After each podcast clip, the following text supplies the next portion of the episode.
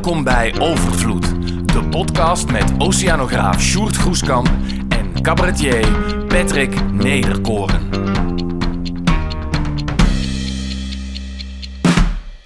Ja, lieve luisteraars, eh, vandaag komt de podcast niet vanuit het theater. We zitten in de repetitieruimte van theaterbureau Cobra.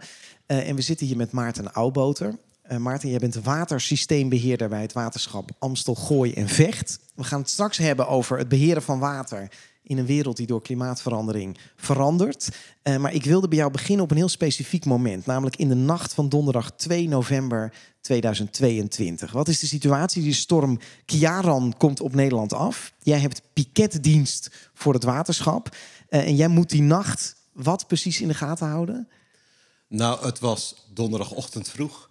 Dus zeg maar de, de, de vroege uurtjes van uh, donderdag 2 november. En we waren vanaf dinsdag eigenlijk uh, uh, gealarmeerd door te veel water. Wat niet wegging bij IJmuiden. En uh, Zeeburg, ons gemaal Zeeburg, wordt dan aangezet. Dat ligt ten oosten van Amsterdam. Ja. En dat uh, zuigt eigenlijk water uit dezelfde poel als dat IJmuiden water afvoert naar de Noordzee. Dus die kan je dan als een soort hulpgemaal inzetten. En dat is zo geweest vanaf die dinsdagavond. En uh, stond dus aan dinsdagavond, woensdag, woensdagavond. En in de donderdag, de nacht naar donderdag, uh, zagen we een spui komen. Dat wil zeggen dat het dan laagwater wordt op zee. En als het lager is op zee, omdat het eb is, dan in het Noordzeekanaal. Daar kan 20, 30, 40 centimeter. Dan kun je 30, water eruit centimeter. Ja. En dan ga je vanzelf, zet je de kokers open. En dan stormt het water naar buiten zonder dat je het pompt. Juist. En dan wordt het daarna weer vloed. En dan gaan die kokers dicht. En moet je dan nog water kwijt, dan staat er een groot gemaal. En dan gaat het gemaal door met water afvoeren. Ja. En wat er nou in die nacht was, er was een spui. Terwijl de regen even minder was. En we gemaal Zeeburg nog aan hadden. Gemaal Zeeburg gaat niet uit als het peil te laag wordt. Dus we waren enigszins uh, ja, op ons kivive of mm -hmm. het peil niet te laag werd. Doordat je het aflaat naar de Noordzee. En doordat je gemaal Zeeburg ook uitmaalt naar het IJmeer. Maar waarom mag het, het niet te laag worden? Nou ja, als het te laag wordt, dan, uh, uh, dan is dat ook vervelend voor mensen die in woonboten zitten, voor ah, boten precies. die onder bruggen gaan en de drempels die zitten ondieper. En dus je kan niet te hoog, maar je kan ook niet te laag. Hè? Je stuurt eigenlijk het peil het in de boezem, in de Amsterdamse grachten, in het Noordzeekanaal, Amsterdam-Rijnkanaal. Heel eh, kort vraag je, wat is de range waar je op stuurt? Hoe, hoe breed is die band? Het is op een gemiddelde dag, op ieder moment gemiddeld, etmaal gemiddeld, 40 centimeter onder NAP. Ik, ik, ik wijs het aan, hè? dat is twee keer een gespreide hand boven elkaar, dat is 40 centimeter. Ja. En um, uh, als het laag is, dan zou het 60 kunnen zijn. Uh, het mag toenemen tot nul. Dan heb je ook echt wel problemen. Dus dan heb je al op vele manieren ingegrepen. Dus eigenlijk zit het in, ja, in decimeters. Ja. Voor, voor de mensen nu denken, we zitten in een, in een megatechnisch verhaal. Wat heeft dit nou te maken met al die afleveringen van Overvloed? Dat wordt zometeen wel duidelijk. Maar eerst nog even in die nacht. Op een gegeven moment kwam je erachter dat die, die spui die eerst open stond... Hè, waardoor het water de zee in ging... dat die, dat die eigenlijk ook weer open stond toen het vloed werd. Nou ja, ik keek om vier uur aan het eind van de spui uh, uh, op, uh, dan kan je op je telefoon, eigenlijk op het internet, kan je de pijlen in de, bijvoorbeeld de Surinamekade, Java-eiland in Amsterdam zien. En ik zag, oké, okay, het staat een aantal centimeters onder die gemiddeld min 40. Ja. En dat is mooi, dat is niet te laag. En dan hebben we even ruimte. En om de een of andere reden keek ik om half vijf nog een keer. En toen, oh, het staat nu een stukje hoger. Dat kan. Want dat is een normale golf aan het eind van een spui. Dan is dat water nog op weg naar IJmuiden. En dan hoopt het op en dan komt er een golf terug. Ik dacht, dat is die golf. Zoals water in een bad heen en weer klotst. Ja, eigenlijk. het is eigenlijk een ja. soort klots. Ja. En, um, uh, maar om vijf uur, uh, oh, uh, is de storm al begonnen of zo? Dit is wel een hele heftige klots. En om half zes nog meer. En om zes uur, nou dit. En toen belde een collega die geen dienst heeft. Die altijd vroeg uit de veren is. En, en ook even kijkt. kijkt. Ja. En die zei, uh, dit kan echt niet. Uh, we, moeten op een, uh, we moeten op de alarmknop drukken. Er is een, iets technisch verkeerd Hij zei, eh, eh, ja, dit kan verklaard worden doordat die spuikokers openstaan en de zee gewoon binnenkomt. Ja, en dat was dus ook zo, hè? En eh, daar, daar kwamen jullie achter. Wat, Ja. wat moet je dan... eh, wat- Maar dan, wacht even, die spuikokers, dat betekent dus dat het hoog water is eh, in zee. Nou, wordt, hè, wordt vanuit app is het Lager stijgend. in, eh, in het gebied Ja. waar, waar jullie het En uit willen komt de zee binnen via die kokers waar het normaal naar buiten moet. Het spuien, maar de andere kant op. En toen wij dus Rijkswaterstaat, heb ik Rijkswaterstaat, de piket van Rijkswaterstaat gebeld. En die waren ook op dat moment in rep en roer. Precies. Dus het is niet dat wij het ontdekt hebben. Nee, je, je ziet het en je ontmoet elkaar als het ware eh, eh, overdrachtelijk aan de waterkant. En je ziet, oh jee. Hè? Kijk, het is een prettige gedachte dat er dus om half vijf eh, s ochtends allerlei mensen op, op meters kijken om ons te beschermen. Maar het is ook een onprettige gedachte dat er zoiets technisch dus kan gebeuren met zo'n spui. Wat nou als die spui open zou zijn gebleven tot volle vloed? Wat zou dat betekenen voor een stad als Nou, de Amsterdam? voorspelde vloedhoogte van die dag was plus 1,75 meter. En dat is dan de hoogte die je door de stad Ja. Amsterdam zou krijgen. Door de Ja, hele... dan mag ik hopen dat je voor die tijd al vele malen... eh, want dat is, eh, dat is een onmogelijke waterstand voor Ja, de binnenkant. Dat is ongelooflijk, want dat eh 1,75 meter, eh, dan staat heel Amsterdam onder water. En dat in een paar uur tijd, want zo'n van app naar vloed... Nou, daar dan- zit, daar zit zes uur tussen. Precies. Ja, ja. Dus wat besloot jij? Nou ja, eigenlijk was de reflex, eh, we, we sluiten Amsterdam af.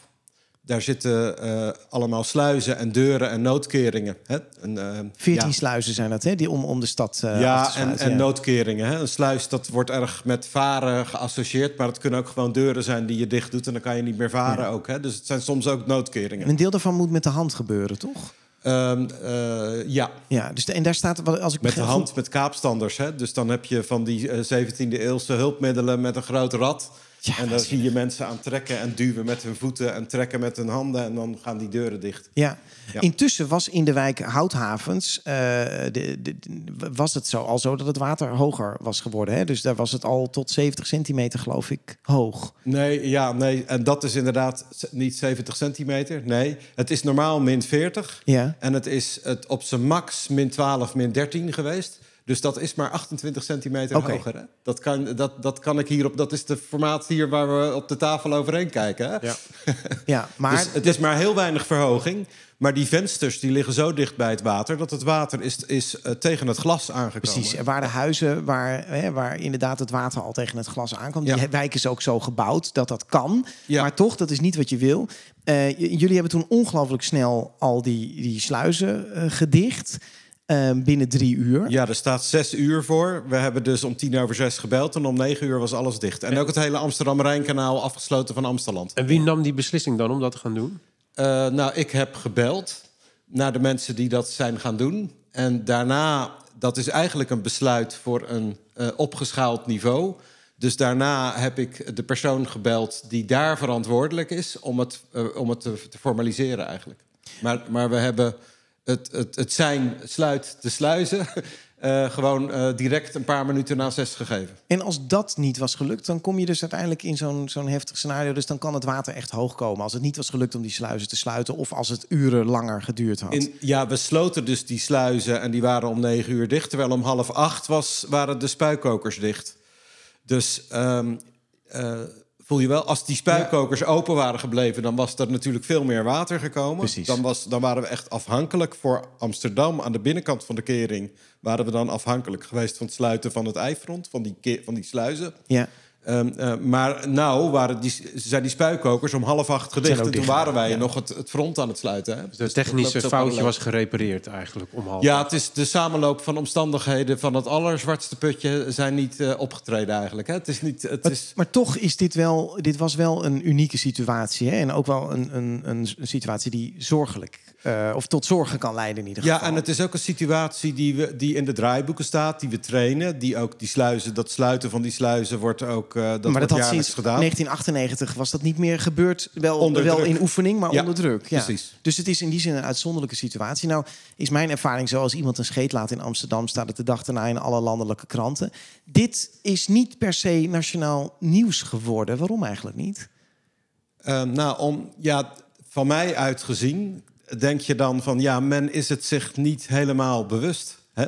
Dus die, die eh, sluizen zijn dicht geweest als je later in de stad of op straat met mensen of op die dag of bij het openen het met mensen erover hebt, dan hebben ze wel in de gaten dat er iets aan de hand was, maar dat was een, mogelijk een detail. Hè? Dus Ja. ehm, eh, ja, wij in de stad met z'n allen, ik woon ook in deze stad, leven ehm, toch argeloos of eigenlijk eh, met het gevoel dat het allemaal goed geregeld is. Er, er is een blind vertrouwen in onze eh, kwaliteit, capaciteiten om het water te keren eigenlijk. Hè? Er is zelfs geen blind vertrouwen. Er is een totaal onbewustzijn van het feit dat je hiervan afhankelijk bent. Ja. Als we dan... Is dat een Achilleshiel? Is dat een? Achilleshiel? Absoluut. Want eh, ehm, eh, ja, wat er aankomt, dat gaat nog. Ja, dat, wij zagen dit eigenlijk als een gebeurtenis. Het is maar een, een 28 centimeter verhoging. Eh, als de bui van Limburg, hè, de spreekwoordelijke bui van Limburg, de zomer van 2021, als die valt, dan, dan, dan is dat absoluut zo'n situatie. Dan was dat in Amsterdam, ben je daar ook van afhankelijk. Ehm, eh, dat, dit gaat vaker gebeuren. Als, de, als een aantal buien die in 2023 in Europa zijn gevallen... en de grote klapper eh, Griekenland... die nog eh, nou ja, bijna drie keer zo, zoveel regen is geweest als, eh, als Limburg... ja, dan, dan, dan, dan zijn de rapen gaar. Maar laten we daar zo meteen naar kijken, naar wat, wat er aan kan komen en hoe je dat als stad moet managen of als waterschap. Maar eerst eventjes dat blinde vertrouwen, of zelfs dat niet eens, hè, zeg Nee. jij al. Eh, waar is dat op gebaseerd? Want als je naar de geschiedenis van Amsterdam kijkt, dan zijn er behoorlijk veel overstromingen geweest. Ja. Hè, j- jij, bent, je bent heel erg bezig ook met, met hoe die geschiedenis van het waterbeheer in deze stad is. Ja. Wat, wat kunnen we, als we nou kijken naar die geschiedenis, wat kunnen we leren van wat water kan betekenen voor Amsterdam? Ja, het is eigenlijk heel interessant dat als je naar de honderden jaren ontwikkeling kijkt... en dat hebben we gedaan in een onderzoek waarin we de, eh, een index van de stad... hoe je omgaat met water niet hebben ingevuld voor Amsterdam nu... maar voor Amsterdam in de 17e, de 18e, de 19e... en dat op een aantal markante momenten. En dan zien we dat de stad eigenlijk grote sprongen vooruit maakt... door te investeren en het water en het leven met het water... ja, de stad robuuster te maken... Eh, dat zijn eh, grote sprongen, maar altijd na een gebeurtenis. Je ziet die sprongen niet. Er komt wat aan, we bereiden ons voor en het valt mee wat er gebeurt. Nee, er gebeurt iets vreselijks en dan wordt er ingegrepen. Dus wij gaan pas nadenken na een ramp. Ja, in de 17e eeuw is de hoogwaterkering van Amsterdam eigenlijk eh, ja, sterk geüpgrade, een aantal keer. Naar aanleiding van overstromingen van 1610, 1651, 1675. En iedere keer precies tot de hoogte zover als die vloed gereikt heeft. Ja. En niet een veiligheid Juist. van nog een paar decimeter daarbovenop. Ja. En in 1651 was gewoon een paar decimeter hoger. En 1675 was de hoogste. En landelijk zien we dit ook. Hè. We hebben de afsluitdijk gehad na een ramp. We hebben de deltawerker gehad na Ja. een ramp. Ja, Eh, en je zegt eigenlijk in de hele geschiedenis van Amsterdam ging dat ook zo. ja zo is dat. En, en als we- Cornelis Lely heeft de blaren op zijn tong gepraat. En pas na de ramp van 1916 is de Zuiderzeewet uit 1918. Hè? Precies. in die zin is het heel geruststellend dat we het nu hebben over die paar centimeter stijging. En dat we ons al zorgen maken over de toekomst. Dat is, dat is een breuk dan met het verleden. Tenzij eh, eh, we even opgeschrikt zijn en eh, daarna weer overgaan tot de orde van de dag. Hè? We Ja. moeten tot actie komen. Wat denk je, is dat patroon van dat we pas gaan reageren na een ramp? Is dat iets wat, ja, wat in ons zit? Ben je bang dat dat in de toekomst ook een houding kan zijn die we hebben? Ja, nee, het, het- het- ik denk dat het een ware kunst is om daaraan te ontsnappen. Want je moet namelijk het lef hebben om een grote investering te doen. Terwijl als je die investering niet doet, je niet kan aantonen, want de ramp is nog niet gebeurd, dat die investering nodig is. En, en ehm, eh, ja, je moet dus voor de muziek uit eigenlijk. eh, Je zou cultureel gezien naar een next step, naar een, naar een volgend level moeten gaan. Om, het, om te onderkennen dat je, dat je ook moet investeren eh, voor de toekomst. En niet als het kalf verdronken is. Wij, wij spraken elkaar voor dit gesprek eventjes en toen zei jij... eh, we zitten eigenlijk in een soort diabolo-situatie. Dus eh, dat betekent, er zijn heel veel rampen geweest. Ja, We zitten nu in het midden. we zitten in het oog van de storm, hè? Ja, precies. Ja, En, en, en straks komen er weer heel veel mogelijke rampen... of in ieder geval Ja, hoogwatersituaties aan. en dat is, dat is een soort van evident. Dat is niet van, oh, gebeurt dat wel? Gebeurt dat niet? Nee, dat gebeurt zeker. Wa- Als de- waarom?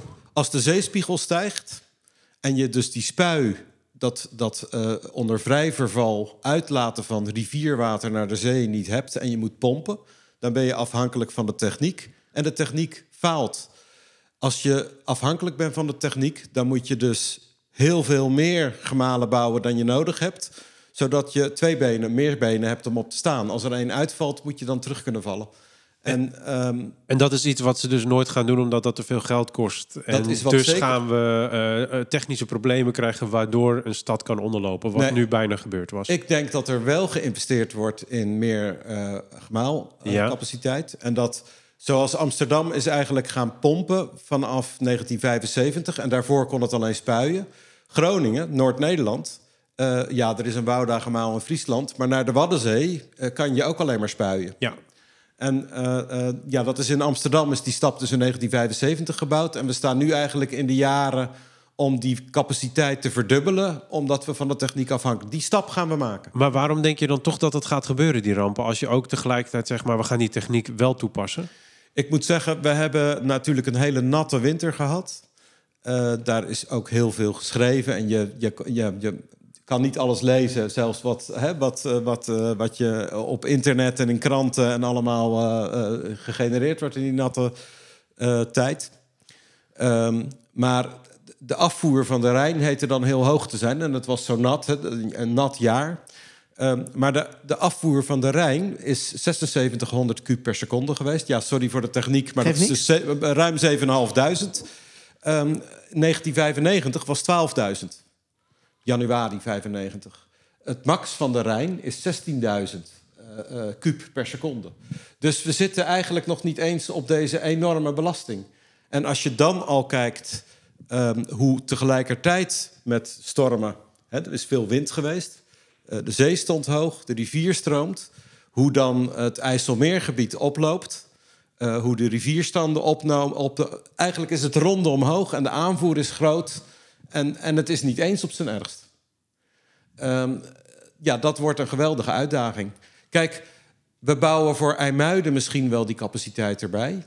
Voor dat systeem, want dat zal niet ook in IJmuiden komen staan, hè, voor de duidelijkheid. Want anders dan heb je een twee keer zo groot gemaal op een plek die faalt. Het moet op een andere plek. Hè? Dus op een andere plek komt nog een groot gemaal. Maar als je naar heel Nederland kijkt, moet je 10.000 kub per seconde maalcapaciteit hebben. Terwijl we over 15 jaar er misschien 1000 hebben.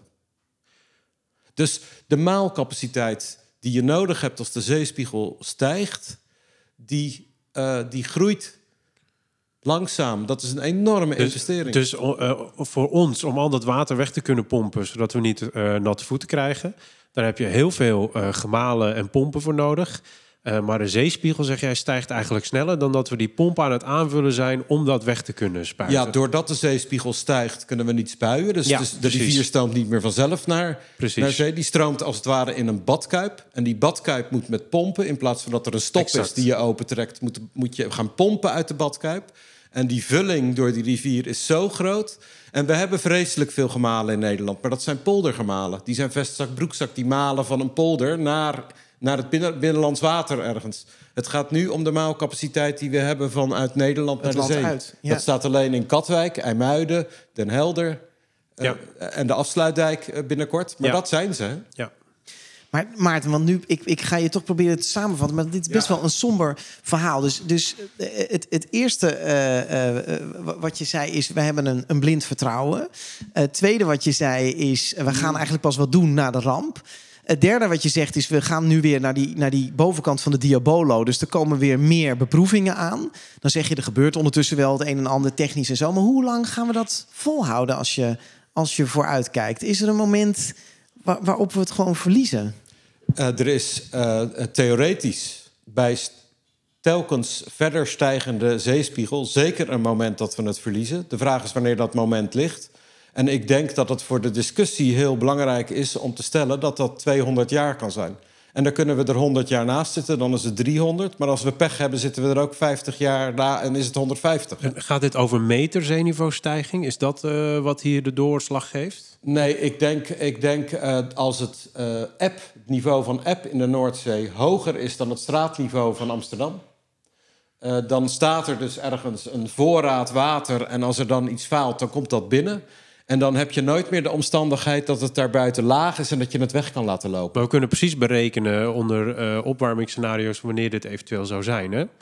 En dan kan je er echt een datum aan hangen. Ja, precies. Berekenen. onzekerheid, Je maar- kan, er, zit een, er zit een vrij grote onzekerheid voor alles na 2050. Ja. Eh, dan, dan heb je steilere en En dan kom je dus op ongeveer die lijnen. 200 jaar uit. nou ja, dan zou je op zoiets uit kunnen komen. Dat is ja, toch- En dat zou ook sneller kunnen En- gaan, hè? want iedere nieuwe prognose valt tegen. Maar is dat dan het einde van Amsterdam? Dat is het einde van West-Nederland, van Laag-Nederland. Maar Maarten, dat is heel.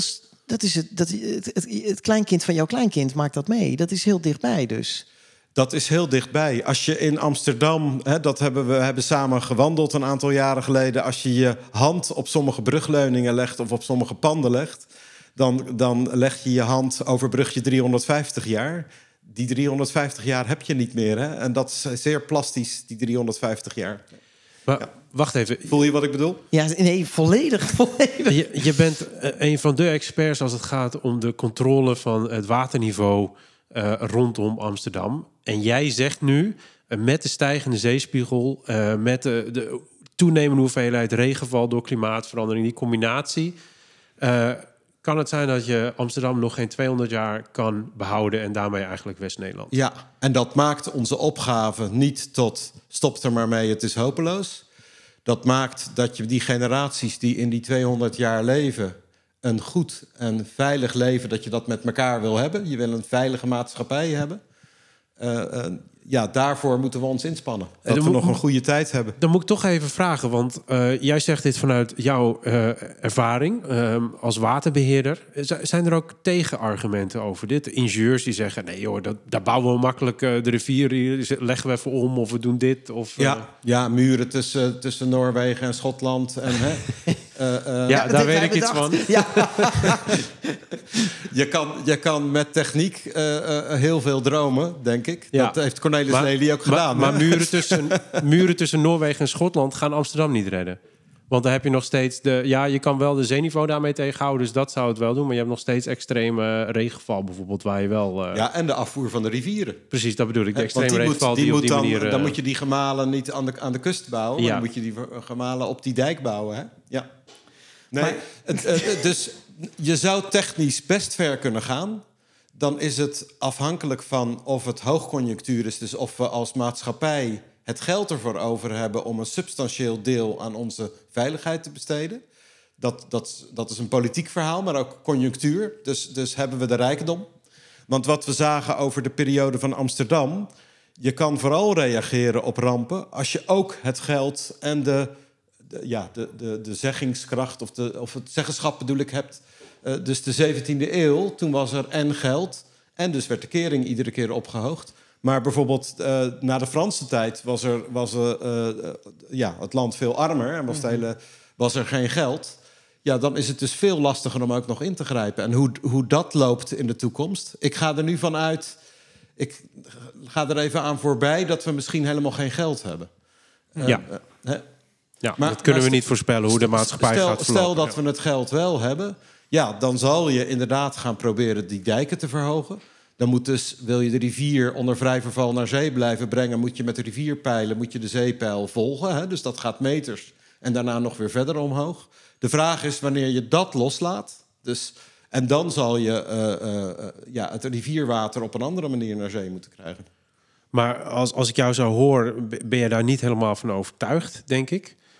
Ik denk dat het, als ik terugkijk en dan krijg je een bepaald gevoel over eh, eh, wat in ons vermogen lag in de afgelopen honderden jaren, dan ben ik niet heel optimistisch over een zware technische ingreep en het weerstaan van 6 meter zeespiegelstijging. Maar in dat geval, wanneer ehm, komt het dan bij de mensen binnen dat we Amsterdam en West-Nederland moeten gaan verhuizen? Waar, waar gaan we heen? Wie is er bereid om zich te bekommeren voor eh, de wereld van de kleinkinderen van onze kleinkinderen? Ik heb geen antwoord op deze Nee. vraag. Nee, nee dit, is een, dit, dit is ook een vraag die we maatschappelijk met elkaar überhaupt gesteld moeten zien te krijgen. En daarna ook nog moeten beantwoorden. En het stellen van die vraag zal al, dat leidt al tot weerstand. Hè? Dat hoor je al in alle discussies die er nu zijn met een beetje water. Ja, zeker. La- laten we. Er zijn dus twee sporen. Eén is we moeten nadenken over de verre, verre toekomst. Dat zijn we verplicht aan de kleinkinderen van onze kleinkinderen. Dat gaat over eh, CO2-emissies verminderen, et cetera, et cetera. Maar als we ervan uitgaan dat we voor die komende 200 jaar ook nog heel veel moeten doen om goed Ja. te leven, wat, wat zijn dan eh, wat zijn de stappen die absoluut moeten gebeuren? Wat, waar moeten we morgen mee beginnen? Het ging nu al bijna fout. Ja, maar dat nu bijna fout, dat zit nog in de decimeters. En eh, eh, Maar, maar toch, die, de- nu ging het om die wijken houthavens. Daarvan heeft Ja. jouw waterschap gezegd... bouw die niet op deze manier. Het maaiveld moet hoger zijn, want anders ga Ja. je met problemen. Nou, die, die, dat- heeft de politiek in de wind geslagen. Dat snap ik. Projectontwikkelaars hebben natuurlijk gezegd... nee, het kan prima. Maar al heel snel blijkt dat er nu dus wel eh, centimeters... Hè, de boven bouwers van de wijk, die zeggen... eh, die wijk, die, het water had nog 80 centimeter hoger gekund. Want die hebben de onderkant van die huizen hebben ze waterdicht gebouwd. Ja, En de vensters waterbestendig. En, maar voor mijzelf is dan de vraag, hè, dus voor mij persoonlijk... wil je koketteren met het feit dat er een vloed aan kan komen... en dat je die kan weerstaan achter glas? Ik is- zou het is zeggen wel van niet. toch? Hè? Ja. Eh, ehm, maar dat, is een, dat kan ook nog een artistieke keuze van de ontwerpers van een wijk zijn. Hè? Ehm, dus, Maar, maar dus het begint al bij... we moeten gaan nadenken over waar we bouwen. nou, wat eigenlijk heel belangrijk is om te weten van hoe het landschap werkt. En daarom is het ook interessant om te zien, er is een, een eindigheid. Er is een moment eh, dat we het water niet alsmaar buiten kunnen houden. En als het binnenkomt, dat je het niet makkelijk meer wegkrijgt... waardoor je langdurig ellende hebt, waardoor mensen hun knopen gaan tellen. Ik denk dat dat het mechanisme is. We spoelen niet weg, maar we krijgen een wereld die we te onbetrouwbaar vinden. En als je kiest waar je gaat wonen, ga je hogerop en je investeert hogerop. Dus, dus je krijgt ook nog een soort uitholling, denk ik, voordat het zover eh, eh, is. Ja. Ehm, even denken waar deze zin ook weer begon. Nee, dat ging over dus hoe we moeten bouwen, waar je over moet nadenken. Ja, want, want eh, wat we dan weten van het moment dat we, dat we het verlaten, is dat waarschijnlijk het manier waarop het nu functioneert, dan ook nog functioneert. En wat is dat? Dat is dat we een polderboezemsysteem hebben in heel West-Nederland. Dus niet alleen rond Amsterdam, maar heel West-Nederland van de Hollandse kust tot aan eh, eh, Groningen en Friesland.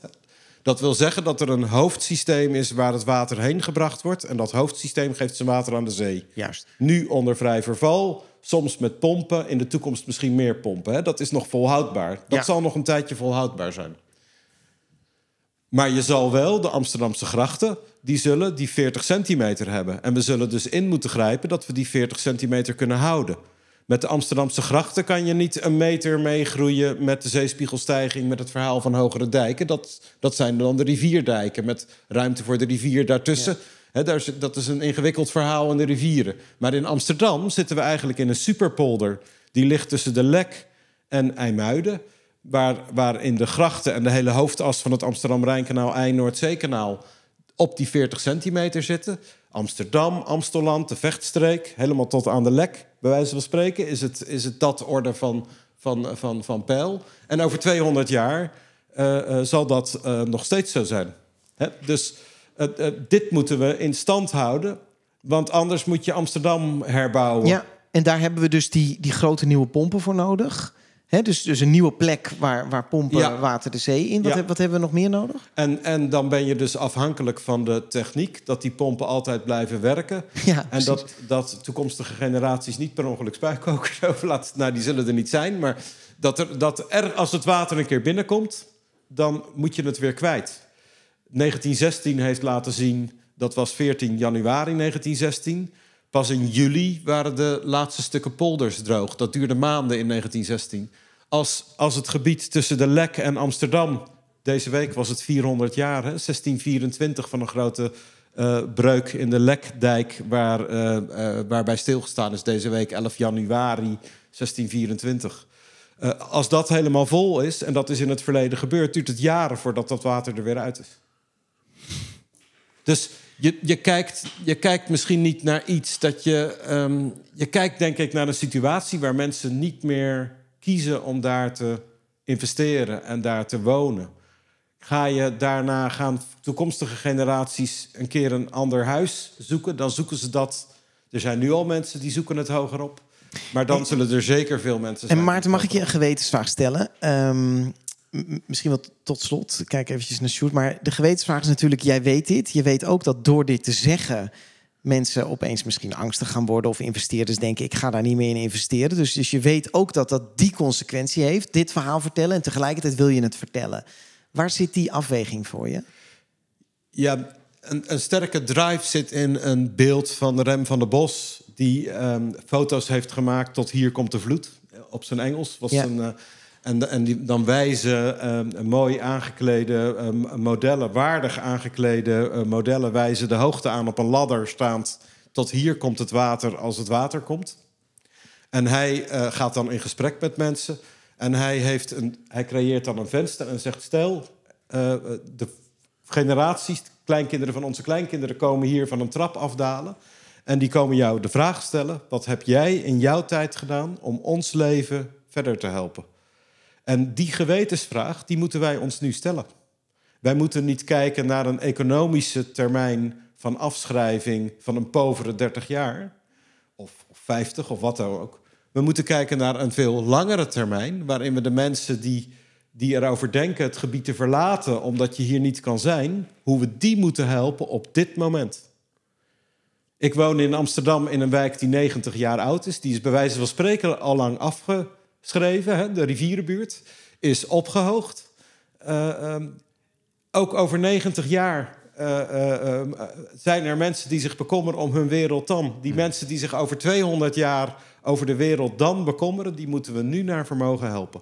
En, en, en waar het dan bijvoorbeeld concreet om gaat, in dat polderboezemsysteem hangen al die polders aan de boezem. Ieder pijlvak, of dat nou diep ligt of hoog ligt, heeft een laagste punt. Als de poldergemalen uitgaan, dat zal namelijk gebeuren als de boezem stijgt. En je raakt het water niet kwijt, dan komt het niet, sluit het ijfront, maar dan komt de oproep: zet de poldergemalen uit. Dan stijgt het water in ieder pijlvak. En dan komen de laagste delen onder water. Ja, als de mensen die daar zijn, of de activiteiten die daar zijn, die moeten daar op dat moment niet zijn. En daar kunnen we nu rekening mee houden. We moeten, we moeten met toekomstogen van 200 jaar naar onze wereld nu kijken om te bedenken wat we wel doen en wat we niet doen. En daar moeten we kritischer keuzes in maken. En dat is waar we nu voor staan om voor elkaar te krijgen. Wat doen we nu? Hoe kijken we kritisch naar het landschap? Wat we waar doen? Zodat we die vraag van die kinderen die die ladder afkomen kunnen beantwoorden. Hoe we ons ingespannen hebben. Net zoals dat misschien Cornelis Lely in 1916 vragen kan beantwoorden. Uh, hoe zie jij het Zuiderzeegebied uh, uh, nou ja, in 2024? Dankjewel. Dankjewel.